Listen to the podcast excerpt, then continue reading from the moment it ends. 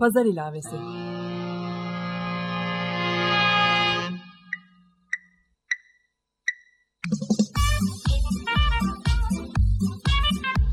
...1936'dan günümüze 80 yıllık bir zaman tüneli. Hazırlayan ve sunan Didem Özbek.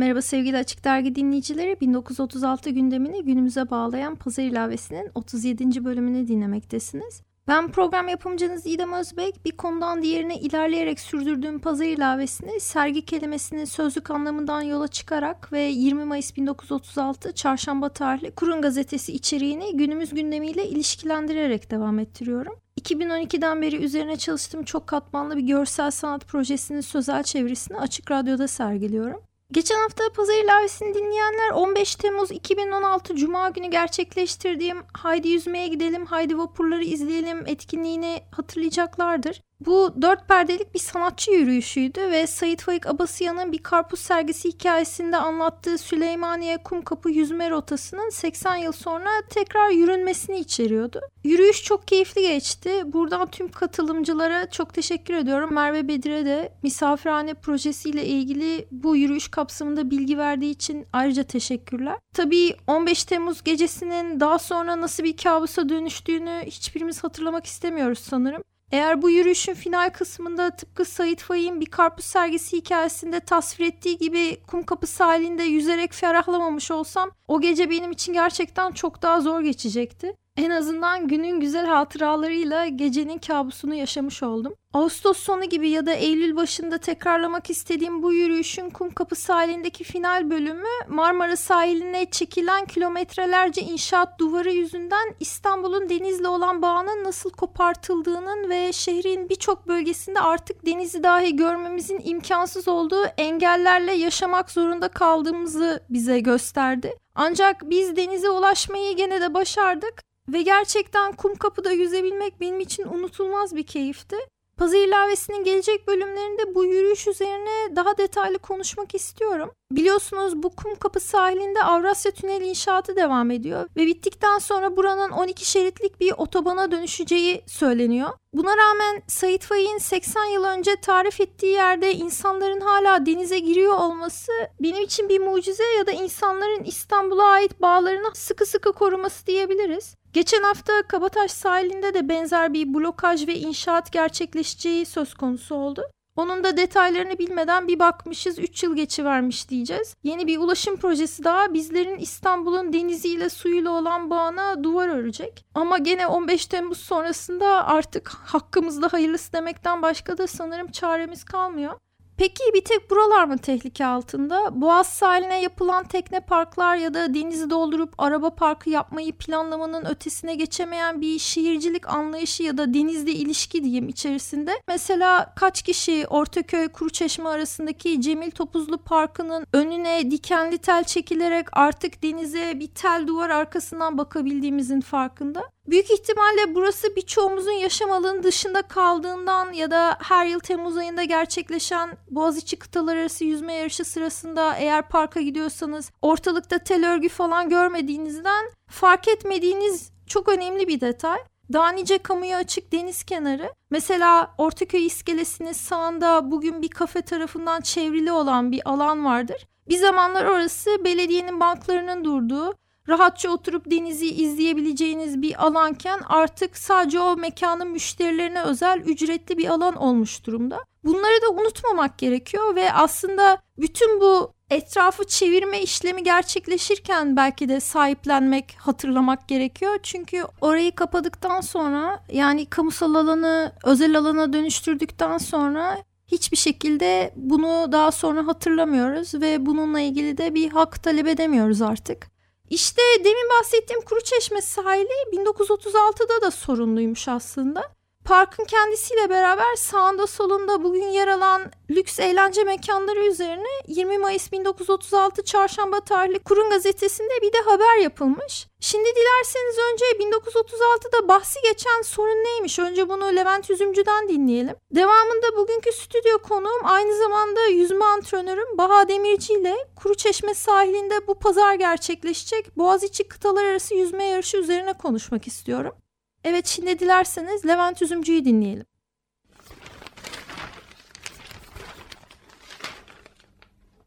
Kurun İstanbul Çarşamba 20 Mayıs 1936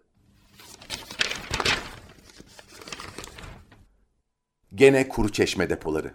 Kuru çeşme kömür depolarının münasip bir yere nakli meselesi etrafındaki tetkikler son safhaya gelmiş bulunmaktadır. Buradaki depoların kaldırılması hakkındaki hüküm temiz mahkemesi tarafından nakzedildikten sonra bu depo sahipleri artık davalara sebep olmayacak bir yere yerleşmek istemektedirler. Bunun için Kuru Çeşme ile Ortaköy arasındaki sahanın istimlaki ile depoların buraya yerleştirilmesi düşünülmektedir. Bu istek henüz bir düşünceden ibaret bulunmaktadır. Liman idaresi ayrıca tetkikat yaptırmaktadır.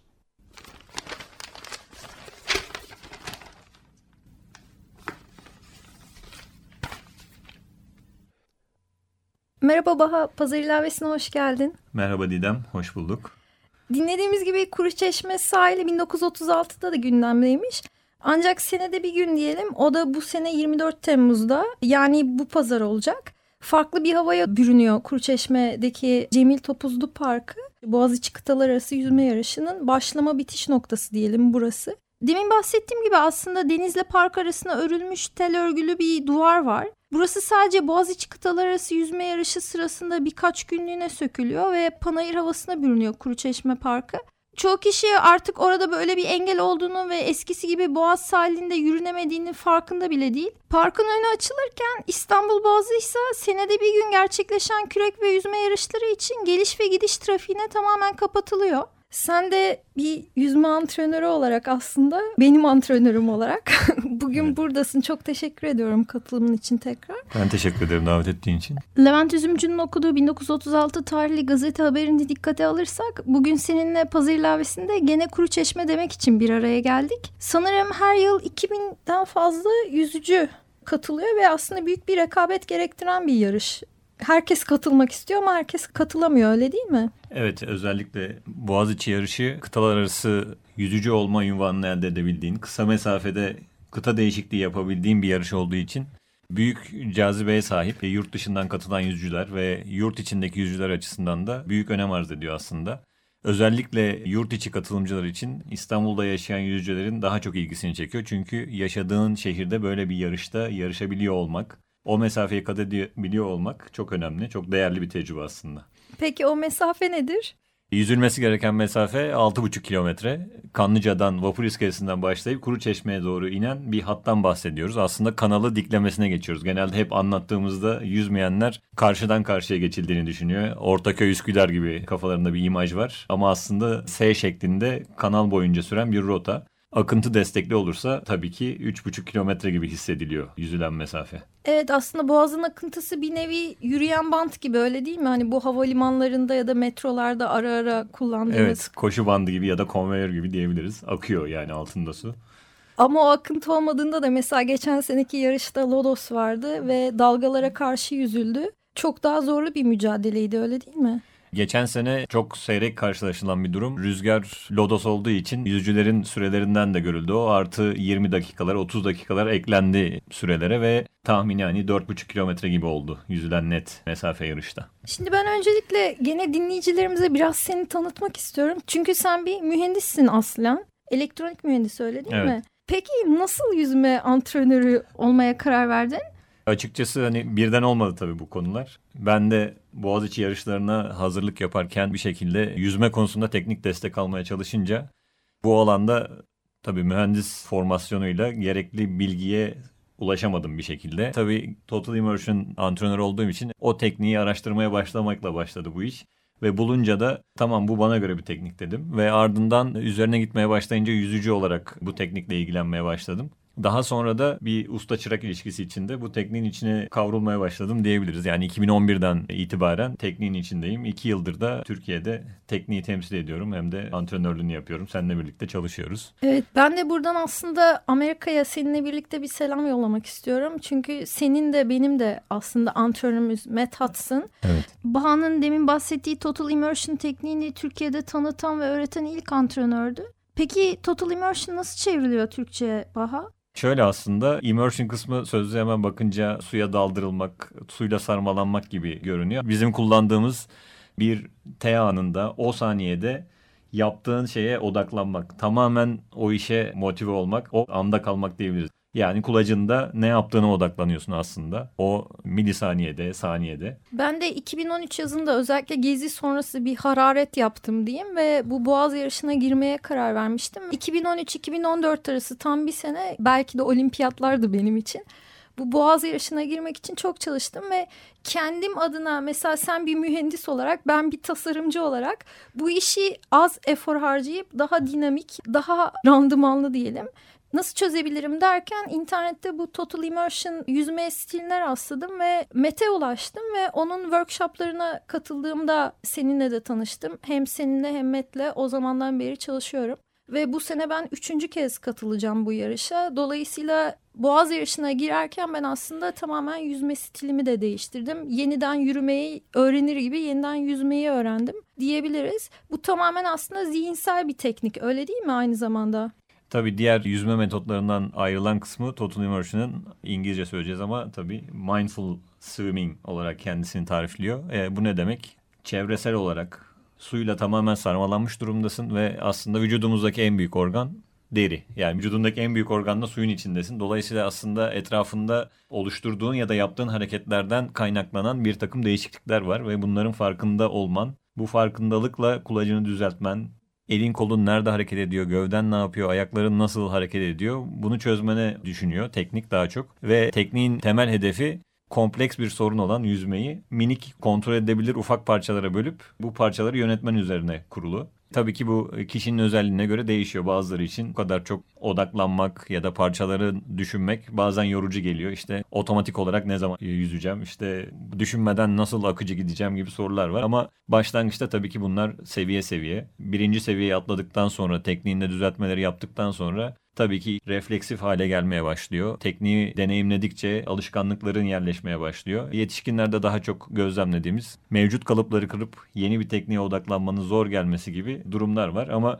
senin de anlattığın gibi elemeler bazında da konuşursak kolay bir iş değil. 800 metrelik bir mesafede test yüzüşleri yapılıyor. Bu elemeleri geçmek, bunlara hazırlanmak aslında fili bütün tek lokma halinde yutmak yerine küçük lokmalar halinde yutup bu kompleks problemin içinden nasıl çıkarız, onu nasıl çözeriz ona hazırlanıyoruz aslında her zaman. Ben de şöyle açıklayacağım gene bu total immersion'ı aslında balık gibi yüzebilmek. Yani nasıl balıklar hani suyu köpürtmeden çok rahat akıcı kaygan bir şekilde suda hareket edebiliyorlarsa o şekilde gene bir fiziksel güçle suda kayarak çok rahat akışkan bir şekilde yüzebilmek olarak ben bunu görüyorum ve çok keyifli bir şey aslında gerçekten o akıcılığı hissettiğin zaman hem daha az efor harcıyorsun hem de çok daha ileriye çok daha rahat gidebiliyorsun.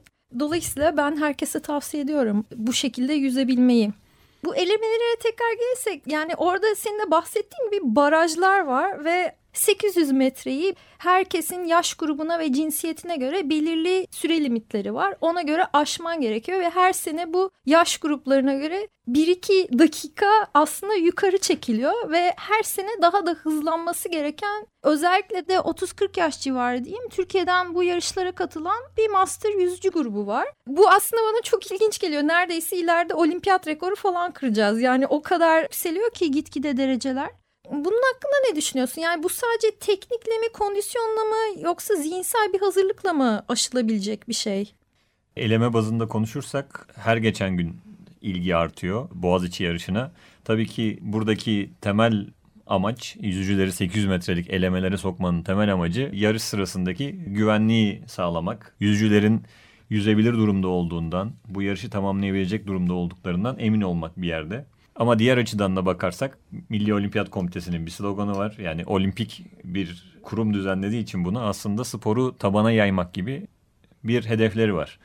Dolayısıyla Boğaziçi yarışı da tabana yayılması gerekirse elemeler bununla bir tezat oluşturuyor. Ama bir yandan da güvenliği sağlamak için de bir noktada mantıklı. Dediğin gibi her sene hızlanıyor yüzücüler öyle görünüyor. Çünkü herkes hazırlık yapmaya başladı Boğaz'a girebilmek için. O süreleri tamamlayabilmek için 6 ay öncesinden, aylar öncesinden hazırlık yapan yüzücüler var. Dolayısıyla hazırlığını yapan yüzücünün aslında teknik olarak hazırlığını yapmış olduğunu görüyoruz. Aerobik olarak ya da işte performans olarak bir hazırlık yaptığını görüyoruz. Ama daha çok hani mental tarafta o kadar hazır olduklarını görmüyoruz aslında. Çünkü elemeleri izlediğimiz zaman ben elemeleri takip ediyorum her sene. Yüzücülerimizi takip ediyorum. Orada görünen şu yüzücülerin aklında belli süreler var. Yaş grubumda belli bir süreyi elde etmem gerekir diye düşünüyor. Kafasında bir hedef var. Dolayısıyla gerçekleştirmek istediği hedefle kendi sahip olduğu kapasite arasında bir denge kurması gerekiyor. Özellikle de yaş grubu yani 40-44 yaş ya da işte 30-35 yaş, 35-39 yaş gibi yaş grupları var. Bu yaş grupları aynı zamanda kariyer sahibi, aile sahibi bu zamanından ayırıp antrenman yapması gerekiyor. Sabahları antrenmana gidiyor, akşam işe gidiyor, tekrar bu yarışlara hazırlanıyor. Yoğun bir efor var işin içinde. Ama elemeler dünyanın sonu değil. Dolayısıyla hani bu sene olmazsa gelecek sene hazırlanıp yüzücüler bu yarışlara katılabilirler. Tavsiyem hani çok zorlamadan sınırlarını bilerek, kapasitesini bilerek her zaman söylediğimiz şudur. Bu sene kaybetmiş olabilirsin ama bu gelecek sene için sana bir basamak, bir taban oluşturuyor. Sonuçta elemeye gidip havuzda ne yapması gerektiğini bilmeyenler de var. Havuzda kulvar paylaşımını bilmeyen var. Havuzda nasıl yüzeceğini bilmeyen var. Onun yanında çok iyi hazırlanmış yüzücüler var. Bunlar bir kulvarda 4 kişi ya da 3 kişi birlikte karşı karşıya gelebiliyorlar elemelerde. İşin zor kısmı da aslında daha çok bence mental kısım denizde yüzebilme şansı olan bir ülkede yaşamakla birlikte bu yarışlara çoğu zaman kışları havuzda hazırlanıyoruz ve havuz ortamıyla açık su ortamı çok farklı. Bazı yüzücüler aslında hiç açık su deneyimi olmayan yüzücüler. Buna bir de boğazın akıntısını artı deniz analarını ve artı diğer pisliklerini eklersek eğer bunlar da aslında zihinsel etkenlerden ya da korkulardan birini yaratıyor. Mesela ben bunu çok yaşadım elemeleri geçtikten sonra ilk yarışa katılma hakkı kazandığım zaman bu sefer de Allah'ım ben orada nasıl yüzeceğim şimdi korkusunu yaşamıştım. Bütün bunlar kafada bitiyor diye düşünüyorum ben. Dediğinde haklısın. Şöyle farklar var. Havuz kontrollü bir ortam. Yani insan eliyle yapılmış bir ortamdan bahsediyoruz. Duvarları var. Seni gözleyen antrenörler var. Can kurtaranlar başında ya da işte duvarı tutabilirsin, ipi tutabilirsin. Gideceğin mesafe belli. Alabildiğin risk aslında sınırlı havuzda. Ama açık suya çıktığın zaman kendini biraz daha tehlikeye açıyorsun. Dolayısıyla burada cesaretten bahsediyoruz aslında. Cesarette bir yetenek haline geliyor. Yani kendini açık su şartlarına maruz bırakabilecek derecede bir yeteneğe sahip olman gerek. Bu noktada korkular devreye giriyor. Havuzda yaşamadığın korkuları açık suda yaşaman mümkün. Burada konuştuğumuz iki tip korku var. Birincisi mantıklı olan korkular, diğerleri de mantıksız korkular. Yani şundan bahsediyoruz sakatlanma ihtimalim var. Mantıklı korkulardan bazıları. İşte su sana soğuk gelebilir. Üşürüm diye korkabilirsin. Dalgadan korkabilirsin, akıntıdan korkabilirsin. Evet bunlar gözle görülebilir ve seni korkutabilecek şeyler. İşte deniz anasından bahsediyorsun. Tabii onlar bize saldırmıyorlar ama sonuçta orada olduğunu biliyorsun. Bunlar mantıklı korkular ama bazen mantıksız korkular da var. Yani bazı yüzücüler açık suya girdiği zaman derinlikte ne olduğunu bilmiyor. Derinlik korkusu başlıyor. Yani 3 metrelik suyla 20 metrelik su arasında çok fark yok derinlik korkusu anlamında. İnsanoğlu için de bu öyle. Kendi limitlerini ne kadar aşabilirsin? Yani bazı insanlar 100 metreye tek nefeste ya da 80 metreye 100 nefeste dalarken derinlik korkusu yaşamıyor ama bazıları ayakları yerden kesildiğinde korku yaşayabiliyor. Bu dediğim gibi kişinin sınırlarıyla ve ne kadar risk alabildiğiyle ilgili bir konu. Aynı zamanda boğaz şartlarına girdiğinde bazıları alttan denizaltı çıkacağını hayal edebilir. Bu mantıksız bir korku yarış parkurunda güvenliğe alınmış bir ortamda ya da işte hattın içinden ne diyelim şilep geçeceğini hayal etmek ya da işte aa işte birisi üstümden geçerse işte bir jet ski gelirse ya da bir tekne gelirse gibi yarış sırasında kapatılmış güvenli parkur bunların girebileceğini düşünmek. Bunlar mantıksız korkular. Önce bunları birbirinden ayırıp mental olarak aslında kendini hazırlamak gerekiyor yarışa. Ben neden korkmalıyım ya da ne kadar risk almalıyım ya da bu yarışa girdim, açık su şartlarına girdim, kendimi belli bir oranda riske maruz bıraktım acaba neye rağmen ya da işte ne pahasına bu yarışı tamamlamaya çalışmalıyım? Yani girdim evet havuzda 800 metre elemeleri geçtim ama açık suya ilk defa giriyorum ya da boğazın sularına ilk defa giriyorum. Çünkü boğaz parkuru sadece yarış için açılıyor. Orada antrenman yapma şansı çok yok yüzücüler açısından.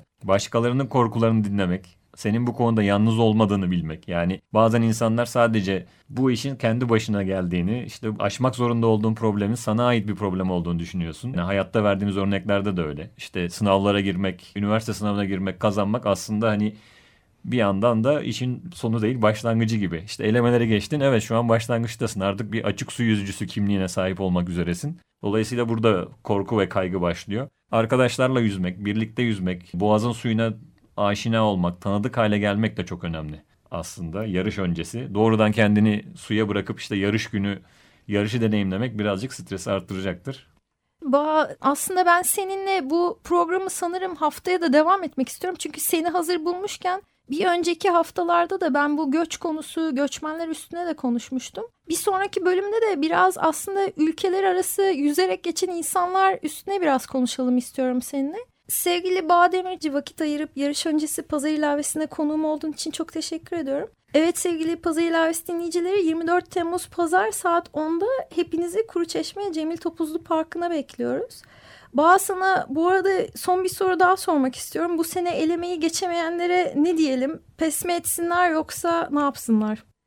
Pes etmeleri gerekmiyor tabii ki. Daha önce söylediğim gibi bu sene elemeye girdilerse aslında elemenin nasıl bir şey olduğunu görmüş oldular. Kendi potansiyellerini denemiş oldular.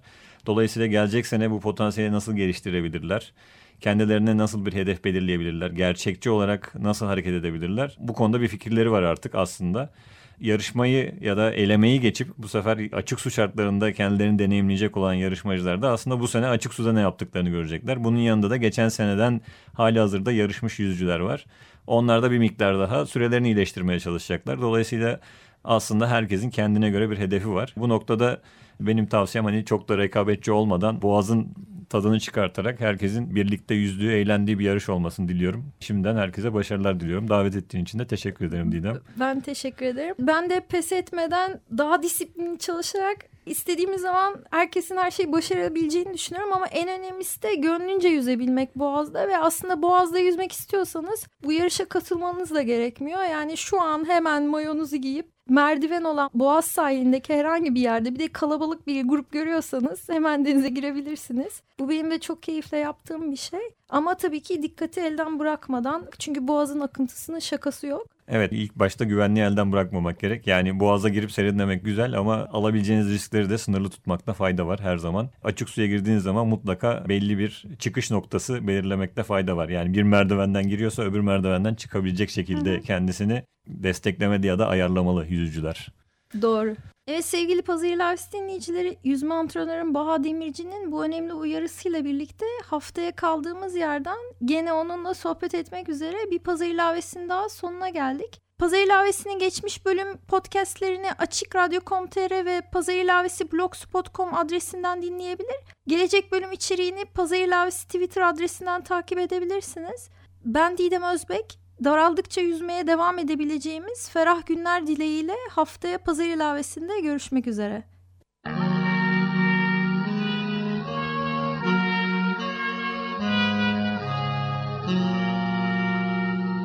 Pazar ilavesi.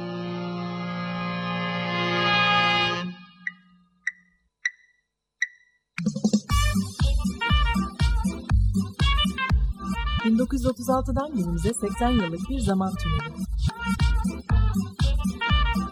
Hazırlayan ve sunan Didem Özbek.